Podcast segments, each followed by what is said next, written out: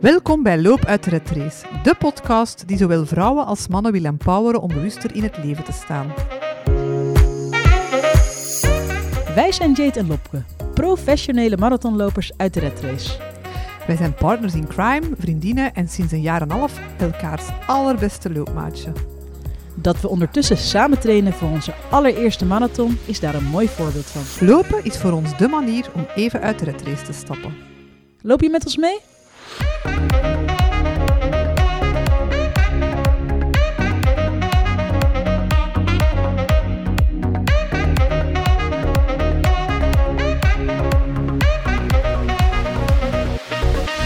Intermittent fasting, daar zijn wij al een tijdje mee bezig, maar Siebe Hannoset gaat nog een stapje verder en verwelkomt ons in de wonderwereld van intermittent living. Als coach heeft hij één grote missie: mensen empoweren zodat ze opnieuw de controle kunnen nemen over hun gezondheid en hun prestaties. En op die manier het maximale uit hun carrière kunnen halen. En laat het dit zijn dat wij zo inspirerend vinden. Hoog tijd om Siebe te leren kennen.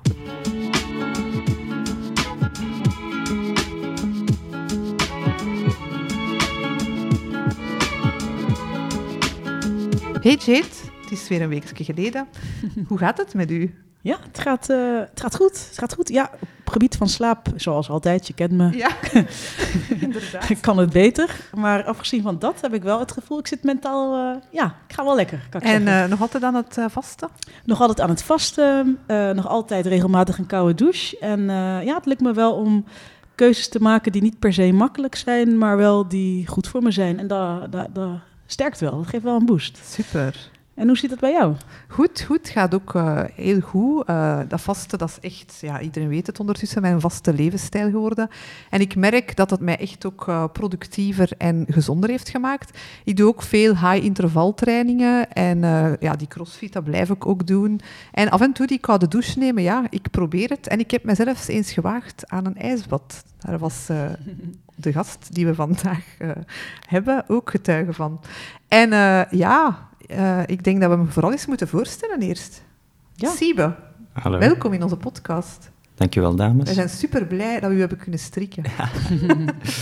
Nee, fijn om, eh, om jullie te ontmoeten. Hè? En Ja. fijn om mijn verhaal vandaag een keer te mogen delen. Super, maar eh, ja, eh, iedereen kent u nog niet, hè? maar eh, je bent duidelijk een man waar we veel meer over moeten weten. Dus eh, laat onze luisteraar eens kennis maken met Siebe. Uiteindelijk gaat het vandaag, vandaag over hetgeen wat ik wil delen, maar ik zal heel even kort ingaan op hoe het ontstaan is, tot, tot Ja. waar het feit dat ik vandaag met intermittent living bezig ben.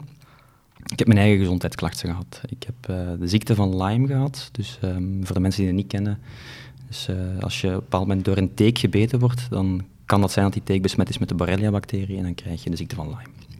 En dat kan zich op verschillende facetten uitspelen. Bij mij was dat gewrichtsontstekingen. En die gewrichtsontstekingen die hebben gezorgd dat ik... Ik deed op dat moment universiteit lichamelijke opvoeding, dus ik had heel veel uren sport. Ik deed voetbal op een redelijk niveau. En mijn lichaam, ja, het stokte. Het ging niet meer ehm, van de ene knieblessure naar de andere, scheenbeenvliesontstekingen, zwart. Na lang zoeken, na veel frustraties, eindelijk te weten gekomen dat ik eh, dus die Lyme disease had. Ehm, en dan begon het, hè. want dan denk je van oké, we gaan antibiotica gebruiken, we gaan wat medicijnen gebruiken en ik zal er wel van afgeraken, maar dat was het niet.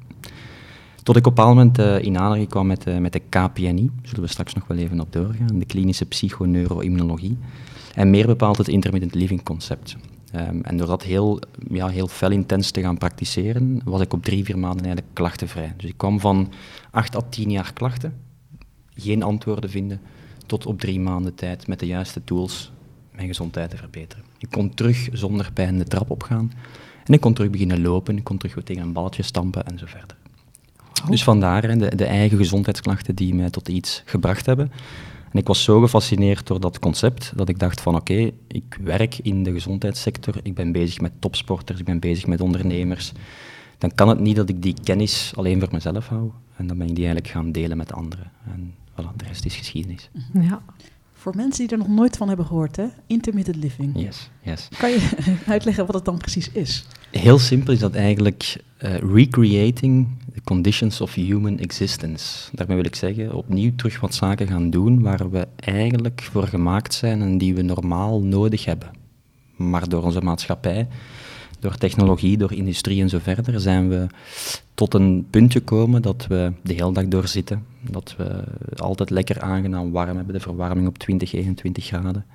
Ehm, dat we de hele dag door eten, want die koelkast staat op wandelafstand, zeker als we van thuis werken. Dus nu heel verleidelijk om regelmatig naar die koelkast te gaan. We drinken de hele dag door, we bewegen niet meer.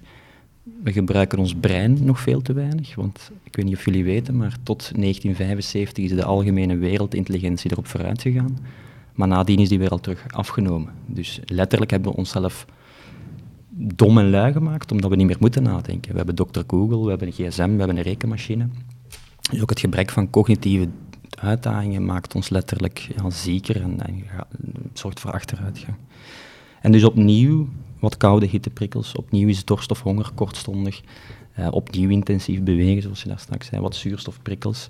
Dat zijn die zaken die eigenlijk altijd aanwezig zijn geweest in de evolutie en die ons terug opnieuw gezonder kunnen maken. Dus die terug intermitterend, hè, kortstondig af en toe gaan integreren in ons leven, kan misschien een stapje vooruit betekenen. Voor heel veel van ons. Nee, klinkt interessant, maar voor mensen dat daar totaal nog niet mee bezig zijn, hoe begin je daaraan? Ja, step by step. Ja. Net zoals dat jij begonnen bent ooit met vasten. Ik denk, alles begint bij, bij kennis. Je moet, je moet uitgelegd krijgen hoe iets werkt, en wat zijn die effecten, wat doet dat in mijn lichaam. En dan ga je misschien zeggen van, mm, er is bewustzijn, zo werkt het. Nu wil ik eventueel de actie of de stap zetten. En dan is het op een bepaald moment stap voor stap met iets beginnen en daar de positieve effecten van ervaren en op die manier dan verder zetten.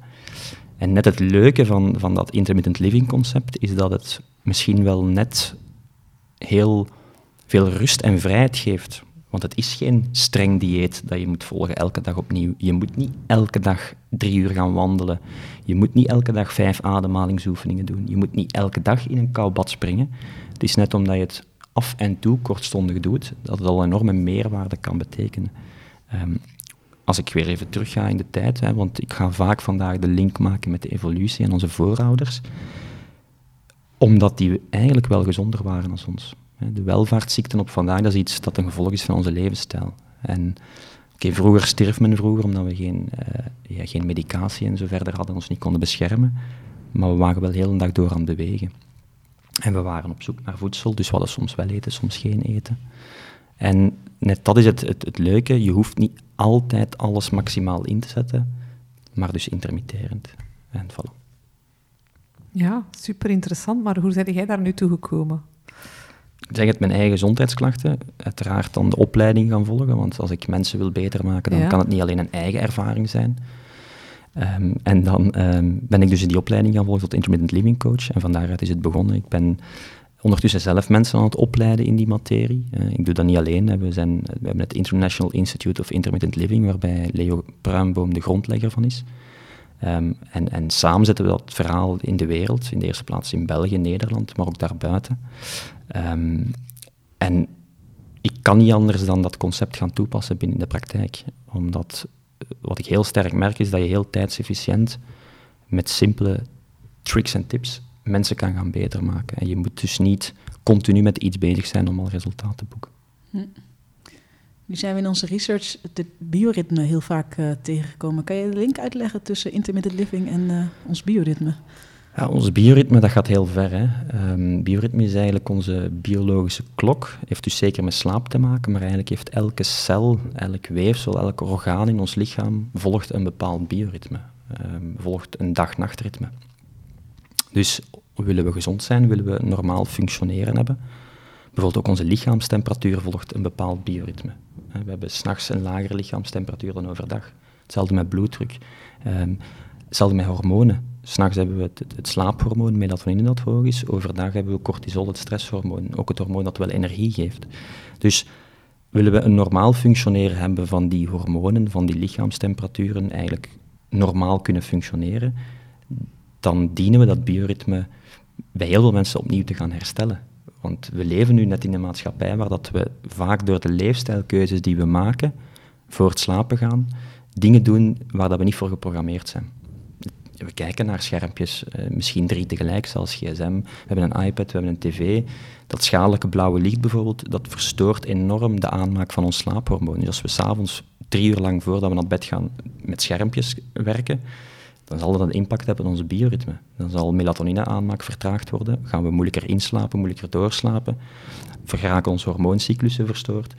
En dat heeft wat, wat negatieve effecten. Niet alleen op uw uitgerust gevoel, maar ook gewoon op, op uw gezondheid en uw functioneren in de maatschappij. En s ochtends, ook daar, hè, als je je niet uitgerust voelt, kan je ook s ochtends met dingen gaan werken die beter zijn. Dus bijvoorbeeld s ochtends een koude douche nemen. Of een intensieve workout van een paar minuten. Gaat dan dat cortisolhormoon, dat, dat goede hormoon voor overdag, activeren. En zo kan je bijvoorbeeld rond bioritme gaan werken. Dus als ik zeg intermittent living, is een manier van leven waar we terug dichter naar onze roots gaan, waar we voor gemaakt zijn, dan hoort bioritme daar ook bij. En dan hoort daarbij dat we tijdens de daguren actief mogen zijn en mogen eten, mogen sporten, etc. En dat tijdens de avonduren, de donkere uren, dat die zaken best afwezig zijn. Dus s'avonds voor de buis zitten, geef je een signaal aan je brein dat het nog dag is, want je hebt fel licht. Je eet nog soms een laat avondsnackje, suikerrijk vaak. Dat is ook een signaal aan je brein geeft dat het volop dag mag zijn. Dus zo verstoor je eigenlijk je eigen bioritme. Dus die zijn automatisch met elkaar gelinkt, intermittent living en bioritme. Dus eigenlijk net als hoe wij dan met het vaste een etenraam hebben, heb je met interliving dus eigenlijk ook een, een livingraam eigenlijk. Om, om ja, ja, zeker naar bioritme. En eigenlijk eh, vaak is een, een, interventie die je inzet om mensen hun slaap en bioritme te optimaliseren, is aan vasten gaan doen. Omdat je net stopt op een bepaald moment met eten en niet de hele dag door eet. Ja. En dan kan je daarin gaan variëren van eh, je eerste maaltijd opschuiven tot je laatste maaltijd vervroegen. En dat is net het leuke ook aan, aan intermittent fasting, dat je daar flexibel mee kan omspringen. Ja. Ik denk, in het weekend zal jullie window waarop je eet anders zijn dan in de week. En dat is net het mhm. fijne eraan. Dat geeft die vrijheid en die rust. Je hebt mensen die zelfs zeggen van oké, als ik intermittent vast, dan hoef ik maar één of twee keer per dag te denken aan wat ik ga klaarmaken. Dat mhm. geeft ook rust voor sommige ja, mensen. Absoluut. Hè? Um, uiteraard is het ook belangrijk wat je eet en zo verder, maar, maar goed.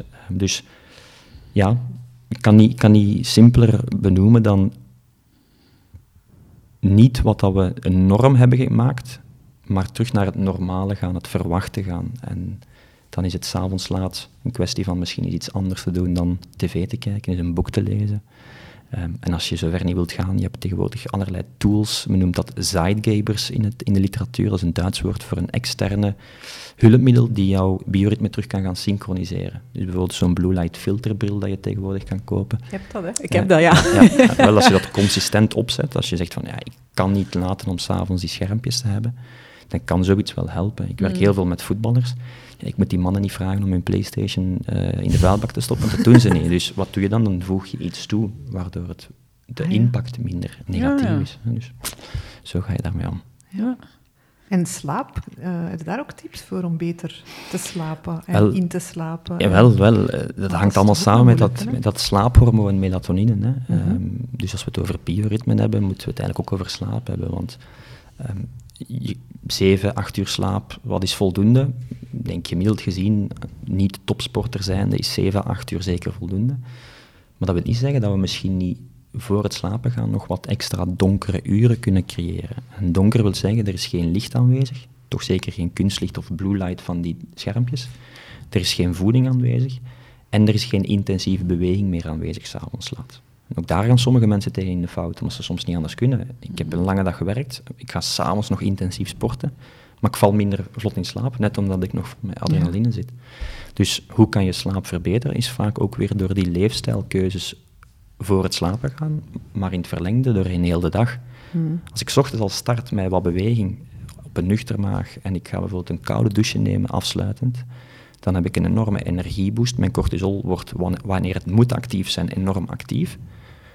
En doorheen de dag teer ik op die energie en na de dag toe neemt dat cortisolhormoon af. En tegen de avond, als ik niet opnieuw met licht en voeding te veel werk, dan zal mijn lichaam wel melatonine aanmaken.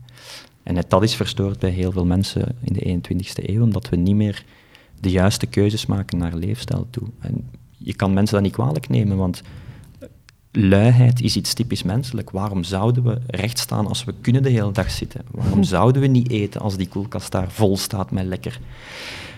Dus zo kan je als coach ook daarmee omgaan, dat je soms eens terug wat meer een noodzaak creëert. En dat je mensen bewust uit die comfortzone even haalt. Mm. En, ja. en, hoe doe je dat dan? Zo sporters helpen? Hoe bedoel je, hoe doe je dat dan? heel ja, breed, hoe pakt je dat aan? Stel dat er een sporter bij u komt en die wil gecoacht worden door u. Waar begin je dan? Waar begin je dan? Bij het eerste wat zijn behoefte is Ja. of zijn doelstelling. Je hebt verschillende zaken. In de praktijk zien we dat er topsporters zijn die, omdat ze de ene blessure achter de andere hebben en het gevoel hebben dat ze alles aan het doen zijn, maar toch altijd hervallen. Mhm. Oké, dan gaan we heel holistisch kijken naar, naar, die, naar die topsporter. Wat is er aan de hand rond voeding? Wat is jouw slaappatroon? Hoe zit het met jouw bioritme? Ehm, heb je misschien de afgelopen vijf jaar nog bepaalde traumatische gebeurtenissen gehad? Is er bepaalde stress aanwezig chronisch in je, in je leven? Mhm.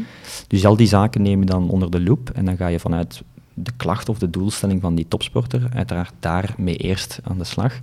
Maar wij bieden wel altijd vanuit de KPNI een heel holistisch kader. Omdat Ja. je kan niet enkel op voeding werken als je bijvoorbeeld blessures wilt gaan oplossen. Dat kan niet meer op vandaag. Je- je- als je geïsoleerd werkt, dan ga je nooit de beste resultaten boeken. Dus we kijken naar heel veel facetten. En net dat vind je ook terug in dat intermittent living concept, omdat het een heel, een heel eh, ja, totaal aanpak is. En dat doen jullie allemaal in het KPNI-huis hier? Of... Wel, we hebben inderdaad hier, waar we nu zitten in het Ja. KPNI, is, is, een, is, een, is een center, een gezondheidscenter, waarbij we verschillende therapeuten en coaches hebben, die Ja. allemaal uiteraard die KPNI-bril op hebben, maar wel allemaal hun expertise. Ik ben bijvoorbeeld bewegingswetenschapper van opleiding, mijn collega is osteopaat van opleiding, dus we hebben ieder dan nog eens onze eigen expertise. Dus wij behandelen hier mensen of coachen hier mensen, van topsporters tot zieke mensen, tot, tot ondernemers en CEO's. Ehm, en daarnaast, eh, zeer specifiek naar mij toe, ik begeleid ook groepen. Hè. Dus ik doe bijvoorbeeld elke, elke keer op dinsdagavond begeleid ik hier mensen die willen werken rond beweging, rond zuurstofprikkels, rond koude hitteprikkels integreren we daar. Heel varieerd publiek, van mensen met een burn-out tot mensen met overgewicht. Ehm, dus intermittent living is ook veel meer dan enkel maar wat energie opwekken. Hè. Je gaat bloedsuiker, insulinespiegels terug stabiliseren, je gaat ontstekingen verlagen, je gaat slaap- en bioritme optimaliseren daarmee. Ehm, en daarnaast geven we ook opleidingen. Hè. Belgium is dan het opleidingsinstituut. En daar kan je van, van orthomoleculaire voedingsleer, gezondheidsleer, tot een medische basisopleiding volgen, tot PNI-therapeut afstuderen als je dat wilt op een aantal jaren. En intermittent living. En daar ben ik dan de mentor of de, of, of ja, de docent in, die andere coaches opleidt tot intermittent living coach. eh, waardoor dat zij ook aan de slag kunnen gaan met hun patiënten en klanten. Dus we werken op twee vlakken. We hebben ons eigen centrum waarbij we alles vanuit de wetenschap in de praktijk kunnen brengen. Dat is belangrijk, die praktijkervaring. Mhm. En daarnaast hebben we ook het opleidingsinstituut waar dat we andere therapeuten opleiden, zodat zij op hun beurt ook ja, de missie kunnen verder uit. Maar dat zijn dan al therapeuten allee, die al iets, een achtergrond hebben? Meestal of kunnen dat, kunnen dat ook mensen zijn zoals, eh, zoals wij, dat interesse hebben in anders leven? En Voilà, dat we, kan we ook. hebben een gevarieerd publiek. We hebben mensen die kinesitherapeut zijn of osteopaat en die botsen op, ja, maar ik vind niet de antwoorden die ik Mm. nodig heb. Ik, ik, ik struggle altijd met dezelfde zaken. Dus oké, dan komen ze bij ons terecht en dan vinden ze wel antwoorden. Maar evenzeer mensen die vanuit hun eigen pijnen of klachten of interesses een, een, een opleiding starten, dat kan. Ja. Ehm, dus je hoeft niet dokter te zijn om aan de opleiding orthomoleculaire bijvoorbeeld te starten. Ah, ja, mooi. Ehm, dus als jullie interesse hebben, Interessant. Ja, ik vind het. Ja, want ik heb een gevoel dat, dat er zo ja, twee eh, type mensen dan. Mensen die zeg maar vanuit een probleem iets, Ja. ja. iets willen aanpakken. Maar ook, ja, ik, of als ik jou hoor praten, denk van dit is preventief, hè? Ja. En ehm, Ik, kijk, dat is ook een, een persoonlijke... ik krijg heel veel energie om eh, met mensen die... eh, ja, ondernemers, topsporters, die al op heel veel zaken inzetten, toch nog dat extra te gaan bieden. Ja. En dat kunnen we bijvoorbeeld met intermittent living heel sterk. Anderzijds heb je, heb je mensen, ook een aantal van mijn collega's, die heel graag curatief werken, die mensen echt graag gaan genezen. Dat is vanuit een persoonlijke insteek en passie en interesse. Maar het, het, het leuke is dat, je, dat het en preventief kan werken. Dan vallen we in het, in het verhaal van leefstijlgeneeskunde of Ja. leefstijlpreventie. De toekomst, no matter what. Ja. Of we gaan in het verhaal komen van ja, mensen echt gaan genezen terug. Mensen die jarenlang eh, chronisch vermoeid zijn, die, die dit alles hebben geprobeerd. Eh, mensen met, met chronische slaapproblemen, die eh, zwaar aan slaapmedicatie zitten, die dan bij ons terecht geraken en waar wij door leefstijlaanpassingen in combinatie met suppletie, voeding en zo verder, die mensen stap voor stap van die slaapmedicatie afkrijgen. En dat is het, het grote ding, en je ziet het hier ook staan. eh, wij doen niet aan symptoombestrijding. het symptoom is nooit het echte probleem, staat er geschreven. Yes, Want, ja. yes. Ja, Bedankt voor de toevoeging. Nee, dus we gaan op zoek naar oorzaken. En iedereen heeft, heeft, heeft zijn bagage, iedereen heeft die film in zijn leven die maakt dat je op vandaag prestatieverlies hebt of een bepaalde klacht hebt. Of dat je het goed in je vel voelt. Dus je kan niet alleen een, een, foto nemen van vandaag en daarmee aan de slag gaan. Dat kan je. En dan, dan geef je een pijnstiller als je een pijntje hebt, of een ontstekingsremmer als je een Achillespeesontsteking hebt. Dan is mijn vraag, als je dan die ontsteking acuut probeert af te remmen, maar je pakt de oorzaak niet weg, dan ga je verder trainen voor je marathon en dan binnen drie maanden ga je hervallen. En dan, en dan, dan begint het verhaal. En het is daar dat we mensen hun ogen willen openen, dat je, zoals je in het begin zei, hen door kennis en inzichten zelf opnieuw controle geven over hun gezondheid. Hmm. En dat is misschien net niet commercieel, want je creëert een onafhankelijkheid bij mensen, maar dat vind ik net het fijne.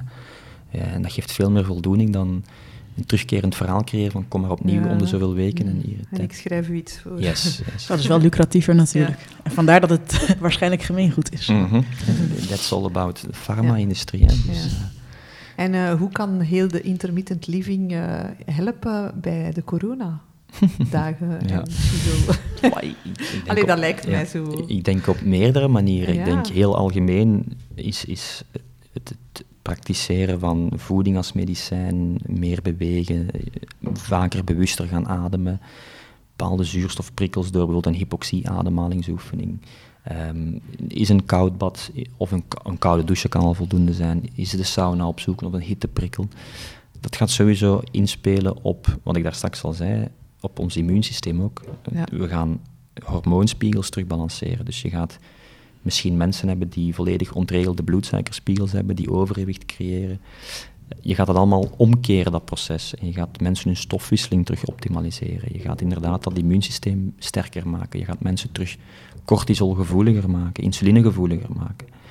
En heel specifiek, en dat is iets wat ik heel vaak inzet de laatste maanden, met mensen die net door de corona-lockdown dan voornamelijk, niet door het virus, maar door de lockdown, want dat vergeten we vaak, hè. de maatregelen die getroffen zijn, de impact daarvan, die kennen we nog niet. Maar die is immens. Al, alle depressies, psychologische problemen, angsten die men momenteel al gecreëerd heeft of aan het creëren zijn, daar wil ik de gevolgen nog wel eens van mm. zien. En dan ga je bijvoorbeeld via intermittent living, via een heel simpele interventie, dat wil zeggen, is af en toe dorst hebben, ga je zodanig in je lichaam een hormoon vrijzetten, dat eigenlijk overeenkomt alsof ik iemand zou knuffelen. Oxytocine heb je waarschijnlijk al wel van gehoord, het knuffelhormoon. Wat mogen we op vandaag niet meer doen? Dat is knuffelen. We worden verboden om nog contact te hebben met meerdere mensen en een keer goed vast te pakken. Goed, dan kan je door simpelweg eens een halve dag niet te drinken, dus dusdanig in je lichaam oxytocine vrijzetten, dat je niet meer hoeft te knuffelen. Knuffelen blijft belangrijk, begrijp ik niet verkeerd. maar als ik datzelfde hormoon vrijzet door eens een tijdje dorst te hebben, ja. intermitterend dorst, geen drie dagen een stuk niet drinken, heb ik niet gezegd, dan ga je ook oxytocine vrijzetten. Ja, dat is toch fantastisch. Dus je kan zelfs in deze moeilijke tijden toch met dat intermittent living concept oplossingen gaan bieden voor bepaalde klachten of preventief zorgen dat mensen niet depressief geraken of zich niet volledig geïsoleerd gaan, gaan voelen. Ja. Is dat alleen met, met, met, met dorst of is dat ook met honger? Uh, Kijk, de, de, enige, dat is een heel goede vraag, de, enige intermittent living prikkel of interventie die volledig stressverlagend werkt en dus alle stressassen uitzet, is dorst. En dat is evolutionair heel simpel te verklaren. Als je in de natuur bent en je gaat kijken naar een extreem droog seizoen, dan zie je zelfs bij, bij extreem droge seizoenen dat vijandelijke zoogdierensoorten, leeuwen, hertjes en zo verder, samen aan de waterplas staan te drinken. Dus hoe zou dat nu komen? Wel heel simpel. Dorst moet dus iets uitlokken. Dorst zorgt dus letterlijk voor een deactivatie van de stressassen, zorgt er letterlijk voor dat oxytocine vrijkomt en dat zelfs normaal vijandelijke rassen elkaar niet gaan aanvallen. Tenminste zoogdieren. We hebben het niet over reptielen en krokodillen, want die zijn nooit te vertrouwen geweest, maar het gaat om zoogdieren. En dat is puur een evolutionaire uh, les die we daar kunnen uithalen. Dus dorst is een hele sterke deactivator van alle stressassen. Dus als je mensen wilt rustig maken, uh, beter in hun vel laten voelen, dan is het interessant om te werken op intermitterend drinken of dorst hebben. En waar zit dan de grens? Want ja, we hebben ons heel ons leven hebben we te horen gekregen van je moet genoeg drinken. Genoeg, twee liter water per dag. Ja. En, en ja. Dus, dus een, een belangrijke nuance in wat je zegt. Ik heb nooit gezegd dat we niet voldoende moeten drinken. Ik heb ja. gepraat over de frequentie waaraan we drinken. Ja. Dus um, hoeveelheid water blijft belangrijk. Ja. Eh, Er zijn ook genoeg studies die aantonen dat als je zodanig ge- gedehydrateerd bent, heb je altijd performance loss en prestatieverlies. Maar de hele dag doordrinken, dat, dat, dat doen we, maar dat is eigenlijk iets wat we nooit gedaan hebben. Net zoals de hele dag door eten ook niet echt normaal meer is. Het is de norm geworden, maar... Dus het gaat om wat meer in bulkmomentjes drinken. En is wat langer, of, of niet continu het kleine slokje te drinken, maar is goed door te drinken. En echt nog eens dorst te ervaren. Want we denken dat we dorst hebben vaak. En dan drinken we één slokje. Ah, ik heb geen dorst meer. Ja, dat- Herkenbaar. ja, dat, dan heb ik geen dorst. Dorst is, ik drink de ganse fles water Ja. die hier naast me staat in één teug leeg en dan heb ik mijn dorstgevoel gelest. Dus het herstellen van dat dorstgevoel is ook een hele belangrijke. Het heeft, heeft impact op heel veel zaken. Het heeft te maken met, met bloeddruk en zo verder. Dus allee, ik kan niet te technisch gaan, maar ehm, het, gaat, het gaat om meer dan oxytocine vrijzetten door af en toe dorst te hebben. Is interessant. Ja, heel interessant. Maar vooral omdat het, ja, omdat het totaal nieuw is, inderdaad. Nee, dat is waar. Maar ik vind dat wel belangrijk. Van de hoeveelheid is wel belangrijk. Met dat eten, ik heb dat nu dus voor. Ik, ik heb ook een coach om eh me te helpen met mijn marathon. En eh, eh, ik leg hem dan uit, ja, ik ben aan het vasten en zo, maar nu is hij tot de een conclusie gekomen dat ik eigenlijk te weinig eet. Ja. Hmm. In functie van mijn trainingen. Want ik loop nu drie uur en zo.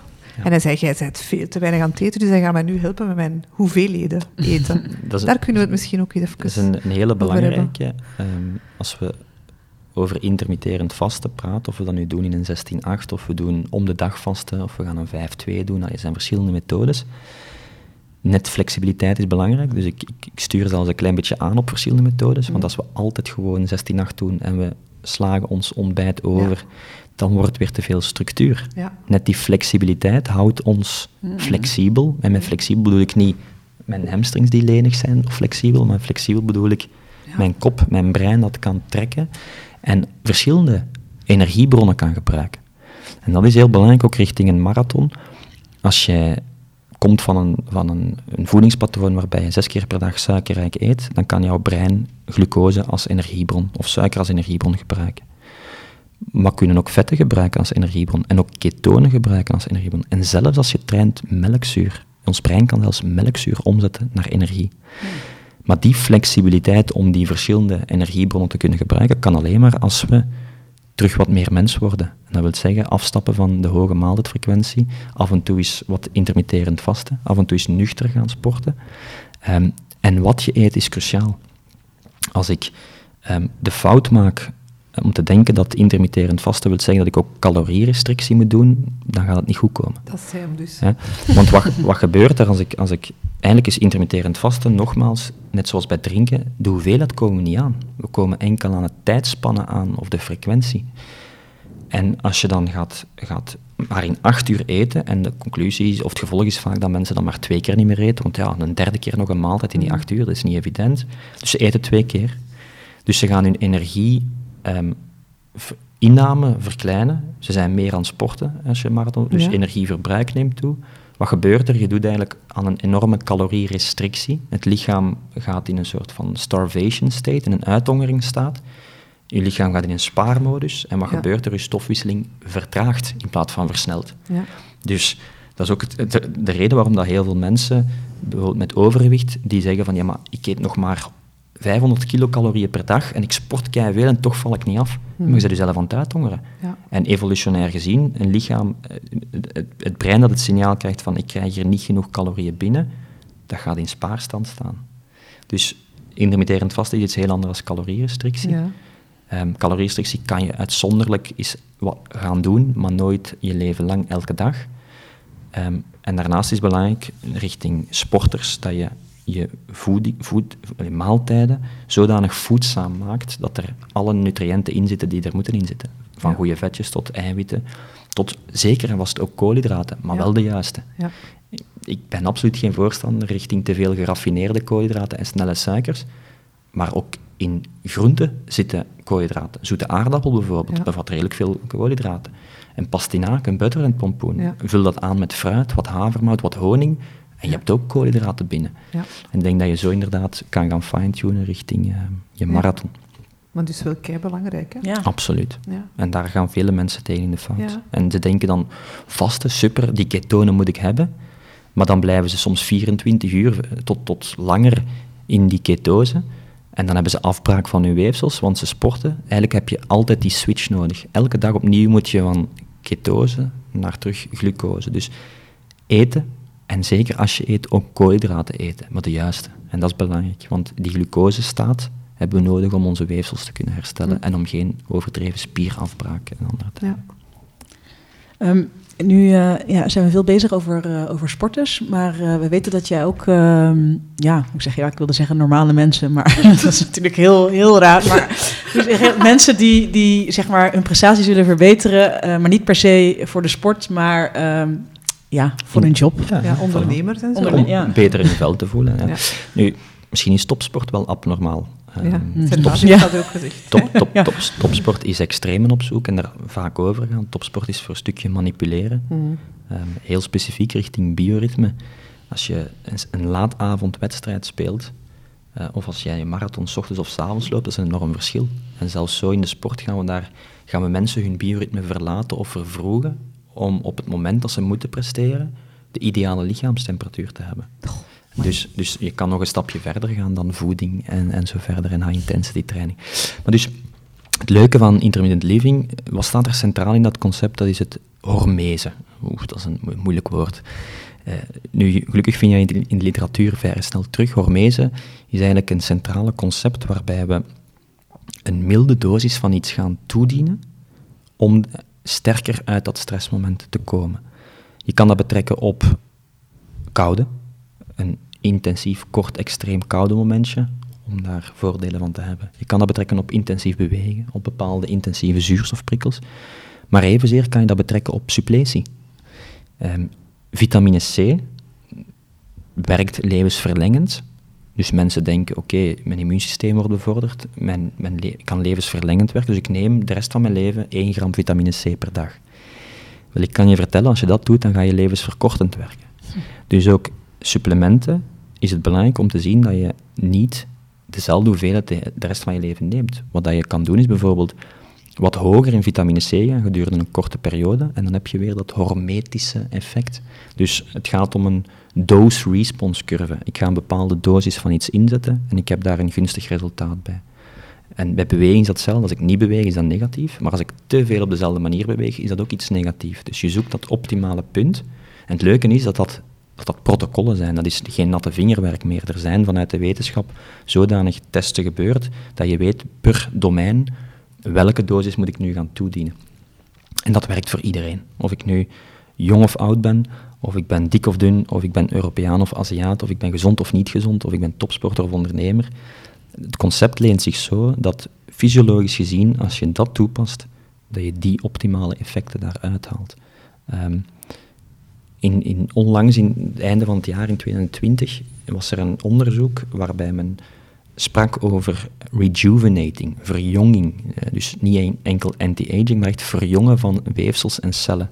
En dat de enige manier om dat te doen is om hormetische prikkels toe te dienen of te integreren in je leven. Dus noem het intermittent living, want daar, dat is het centrale concept. Ehm, dus als je wil verjongen en gezond jong blijven, dan dien je aan intermittent living te doen. Ja, dat is waar. Ja. En die missie wil je graag in de wereld sturen, natuurlijk. Dat is onder andere de reden waarom Ja. ik met jullie nu in Ja, gesprek voilà. ga en mijn, en mijn missie en mijn passie delen. Ja. Ehm, maar goed, het, het, het, ik wil dat inderdaad meerdere mensen te weten kunnen komen wat intermittent living is. Ja. We hebben, tegenwoordig heeft iedereen het wereldwijd al over intermitterend vasten of intermittent Ja. fasting. Mhm. Koude begint stilaan zo, zeker Ja. hè, met de sneeuw was dat wel fijn een keer in de eh, koude. Maar er is veel meer dan dat. En, Ja. en dat is belangrijk, dat we, net zoals alles in het leven, voldoende variatie ook brengen. Ehm, als ik de rest van mijn leven elke dag in een koud bad stap, wordt het iets negatiefs. Ja. Dus ik, ik wil ehm, soms dat orgaan of dat weefsel triggeren en soms ook niet. Ik wil ook niet elke dag cognitieve uitdagingen, want dan is mijn brein snel versleten. Dus ik wil heel onverwacht, intermitterend die Mhm. zaken gaan toepassen. En dan kom ik terug op het verhaal dat het haalbaar wordt. Want Ja. je hoeft niet elke dag hetzelfde te doen. Alles te doen ook. Voor sommige mensen werkt dat, routine en structuur. Mm. Maar routine en structuur bot op een bepaald moment ook af. En er is adaptatie, de effecten worden minder positief. En dus net wat terug flexibeler gaan omspringen. Ja. is volgens mij de volgende stap. Ik vind dat wel een hele mooie wetenschap. Want de grootste drempel voor mij altijd is uh, van... oeh ja, ik moet het dan wel volhouden en uh, ik moet dat wel elke keer doen. Maar als je weet gewoon van... het is oké als ik dat gewoon regelmatig, maar niet elke dag, maar gewoon wanneer het me uitkomt. Ja. en uh, als mensen bij u komen, maakt jij daar dan een schema voor of zeg je tegen schema's? Ik ben absoluut geen voorstander van te veel schema's, maar soms dien je bepaalde kapstokken of handvaten aan te reiken. En het duurt 21 dagen ongeveer om een, om een gedrag te veranderen of een routine in te bouwen en 90 dagen om een leefstijl aan te passen. Hmm. Wel, dan heb je misschien in het begin wel wat plannetjes of programma's nodig voor mensen. Zeker als, als die mens, persoon aangeeft van ja, schrijf het maar neer, want anders ga ik het niet ja. oppikken. dan doe ik dat met plezier. Um, maar het mag niet 21 dagen net op dezelfde manier allemaal hetzelfde zijn van A tot Z. Um, dus dan breng je variatie in dat schema. Ja, variatie. Net door de verschillende prikkels in te zetten. Of net door eens een window te gaan mm. veranderen als we het hebben over vasten. Ja. Um, ja. Als wij straks bij u zouden komen om ons te helpen met de marathon, wat zou jij dan doen? Binnen drie maanden gaan we dat doen. Nee, het is al twee nee, maanden. ja, het is veel sneller. ja, ja. Binnen twee maanden, ja. Tenzij dat in juli is, ja. ja, ja. Kijk, jullie zijn ongetwijfeld al met een aantal dingen aan de slag. maar voor mij zou voeding een hele belangrijke zijn. Um, omdat, wat ik daar straks zei, ik wil dat jullie brein, want het brein staat boven alles. Uw brein stuurt de spieren aan. Dus mhm. ik wil dat jullie brein opnieuw al die verschillende energiebronnen kan gaan gebruiken. Toch zeker naast glucose, vetten en ketonen. Dus dat is een eerste. Daarmee aan de slag gaan. Ehm, je bioritme optimaliseren. Um, Ook in functie, want slaap is, is cruciaal. Hè. We, kunnen, mm. we kunnen praten over ademen en over gezond eten, maar als we niet of slecht slapen, dan kunnen we niet herstellen. S'nachts gaat niet alleen je frisheid en fitheid herwonnen worden, maar ontstekingen gaan naar beneden. Um, je, gaat, je gaat groeihormoonproductie hebben, s'nachts normaal optimaal. En als je dan een onderbroken nacht hebt, continu, uh, ja, dan, dan is dat niet goed. Um, kan je niet herstellen. Dus slaap. Ja. Misschien moeten we daarmee aan de slag gaan bij jou. um, thermoregulatie. Ervoor zorgen dat je niet oververhit geraakt tijdens die marathon. Want wat gebeurt er als ik oververhit ben? Dan is er een shutdown van mijn spieren. En dan val ik letterlijk, zoals je soms ziet, voor de finishline neer en, en zit er niks meer in. Dus hoe kunnen we thermo thermoregulatie verbeteren? De darmflora optimaliseren kom ik weer terug bij voeding, maar dat kan mhm. evenzeer door te gaan kijken naar chronische stress die we moeten wegnemen. Um, en dan kom ik tot bijvoorbeeld koude en hitteprikkels vooraf toedienen, waardoor je daar beter mee kan omgaan en je lichaam beter leert thermoreguleren. Oh, ja. um, we kunnen gaan werken op zuurstofprikkels. Ik denk een onmiddellijke quick win voor elke atleet, maar ook voor jullie dus die een marathon willen lopen, is dat je gaat werken met bepaalde hypoxie-ademhalingsoefeningen. Hmm. Um, je hebt misschien al eens van de Wim Hof ademhaling gehoord. Ja. Wel, dat is ook een vorm van hypoxie. Um, eigenlijk is dat niet meer of niet minder dan op C-niveau een hoogtestage doen. Door een ademhalingsoefening. Dus je hoeft niet de bergen in te gaan. Ik weet niet of je weet wat een hoogtestage kan doen. Hè. Dus gaan trainen in de bergen zorgt ervoor dat je um, ja, zuurstoftoevoer optimaliseert wordt, doorbloeding, je gaat inspelen op je rode bloedcellen aanmaken en zo verder.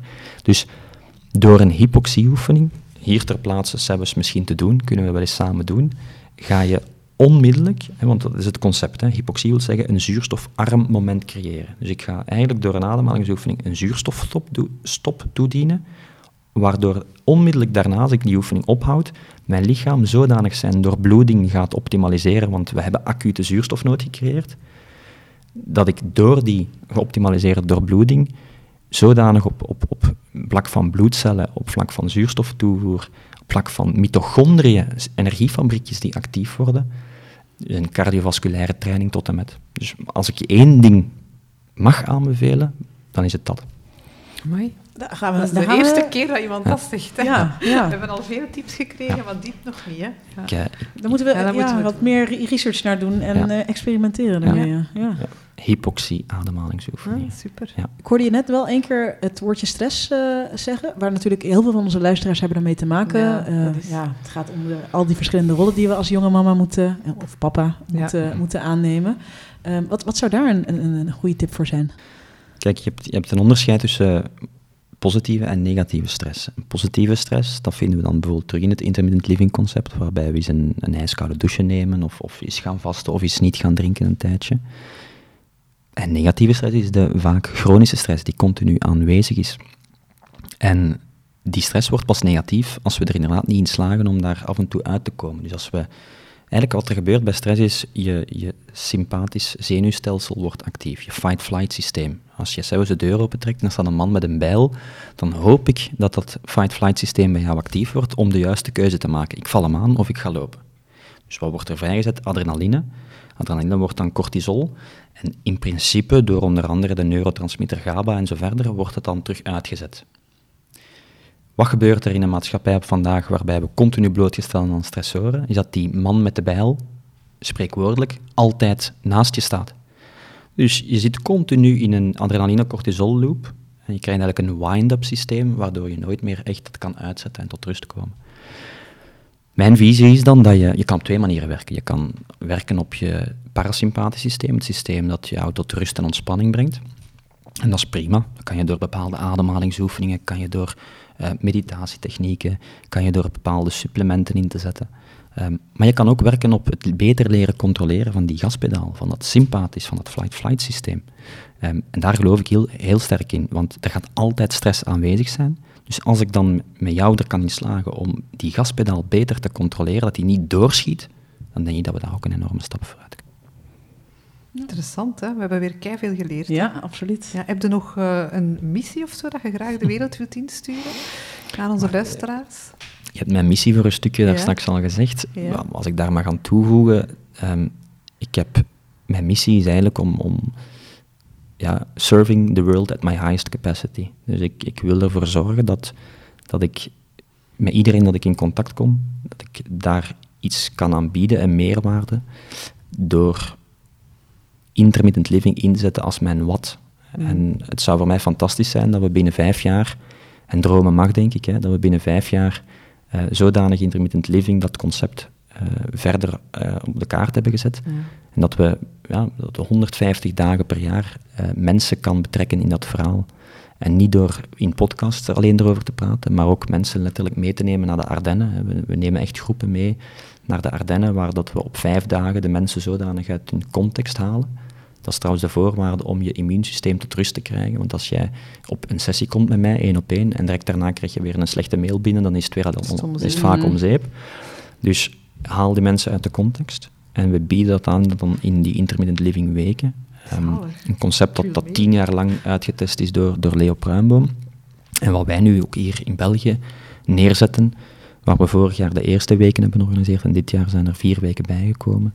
Um, dus als dat iets voor jullie zou zijn. Kunnen we mee? Ja? Absoluut. Echt? Het is een, is een, echt, uh, ja. ja, het al tof. Ja. ja. je wordt een keer... volledig ondergedompeld. Uh, een volledige reset op alle vlakken. Zelfs hoe dat je gaat denken zal veranderen. Um, dus beslissingen die je normaal uitstelt, die ga je na die week niet meer uitstellen. En je doet dat deze zomer? Of, uh... Ik, wij organiseren in mei de eerste week, die is specifiek gericht op ondernemer of onderneemsters ja. en bedrijfsleiders. Dan hebben we in juli en augustus de weken waar dat we anderen opleiden tot intermittent living coach. Ah, ja. En dan hebben we in september en december nog twee weken voor ja, particulieren en anderen. We zijn zelfs aan het overwegen nu of we in december ook specifiek richting de doelgroep mensen met overgewicht of diabetes ja. gaan werken. Dat we echt die specifieke doelgroep. Mm. Um, dus het werkt voor iedereen. Ja, ja klinkt echt kei interessant. Ja, absoluut. Gaan we ja. zeker uh, iets bekijken. Okay, super. Zie je, als mensen u willen contacteren of u willen vinden, waar kunnen ze u vinden? Ja. Er bestaat maar één Siebe Hanneset, dus een naam die niet vaak ah, ja. voorkomt. Hè. Um, Dr. Google weet alles. Nee, Instagram, LinkedIn kan je me vinden. Ja. Uiteraard via de website van kpnibelgium.com ja. vind je alle info over die opleidingen en die weken van intermittent living. Um, dus voilà, daar kunnen ze mij vinden en dan van daaruit zien we wel of ik iets kan betekenen. En ze mogen u altijd sturen? Of, sturen mag, sturen mag, ik sta daarvoor open. Uh, vraag me alsjeblieft geen gratis consult, hè, want dat doen nee. heel veel mensen ook. Dat ze denken Echt? dan, ja, het is, het is eigen aan de mens om, ja. om veel te willen weten. Ja. En dat is fijn, maar dat is ook maar 24 uur in een dag voor mij, dus ik moet ook zien dat ik iedereen kan helpen. Maar ze mogen mij absoluut contacteren en dan van daaruit zie ik wel verder of ik iets kan betekenen. Super. Dikke merci, we vonden het echt... Uh, ja, absoluut. Dankjewel. Ja. Jullie bedankt. Ja. En uh, als jullie nog wat tips en tricks nodig hebben richting de marathon, let me know. Want ik yes. ben zeker van dat er nog wel uh, wat percentages kunnen gewonnen worden. Zalig. Super. Doeg. Doeg.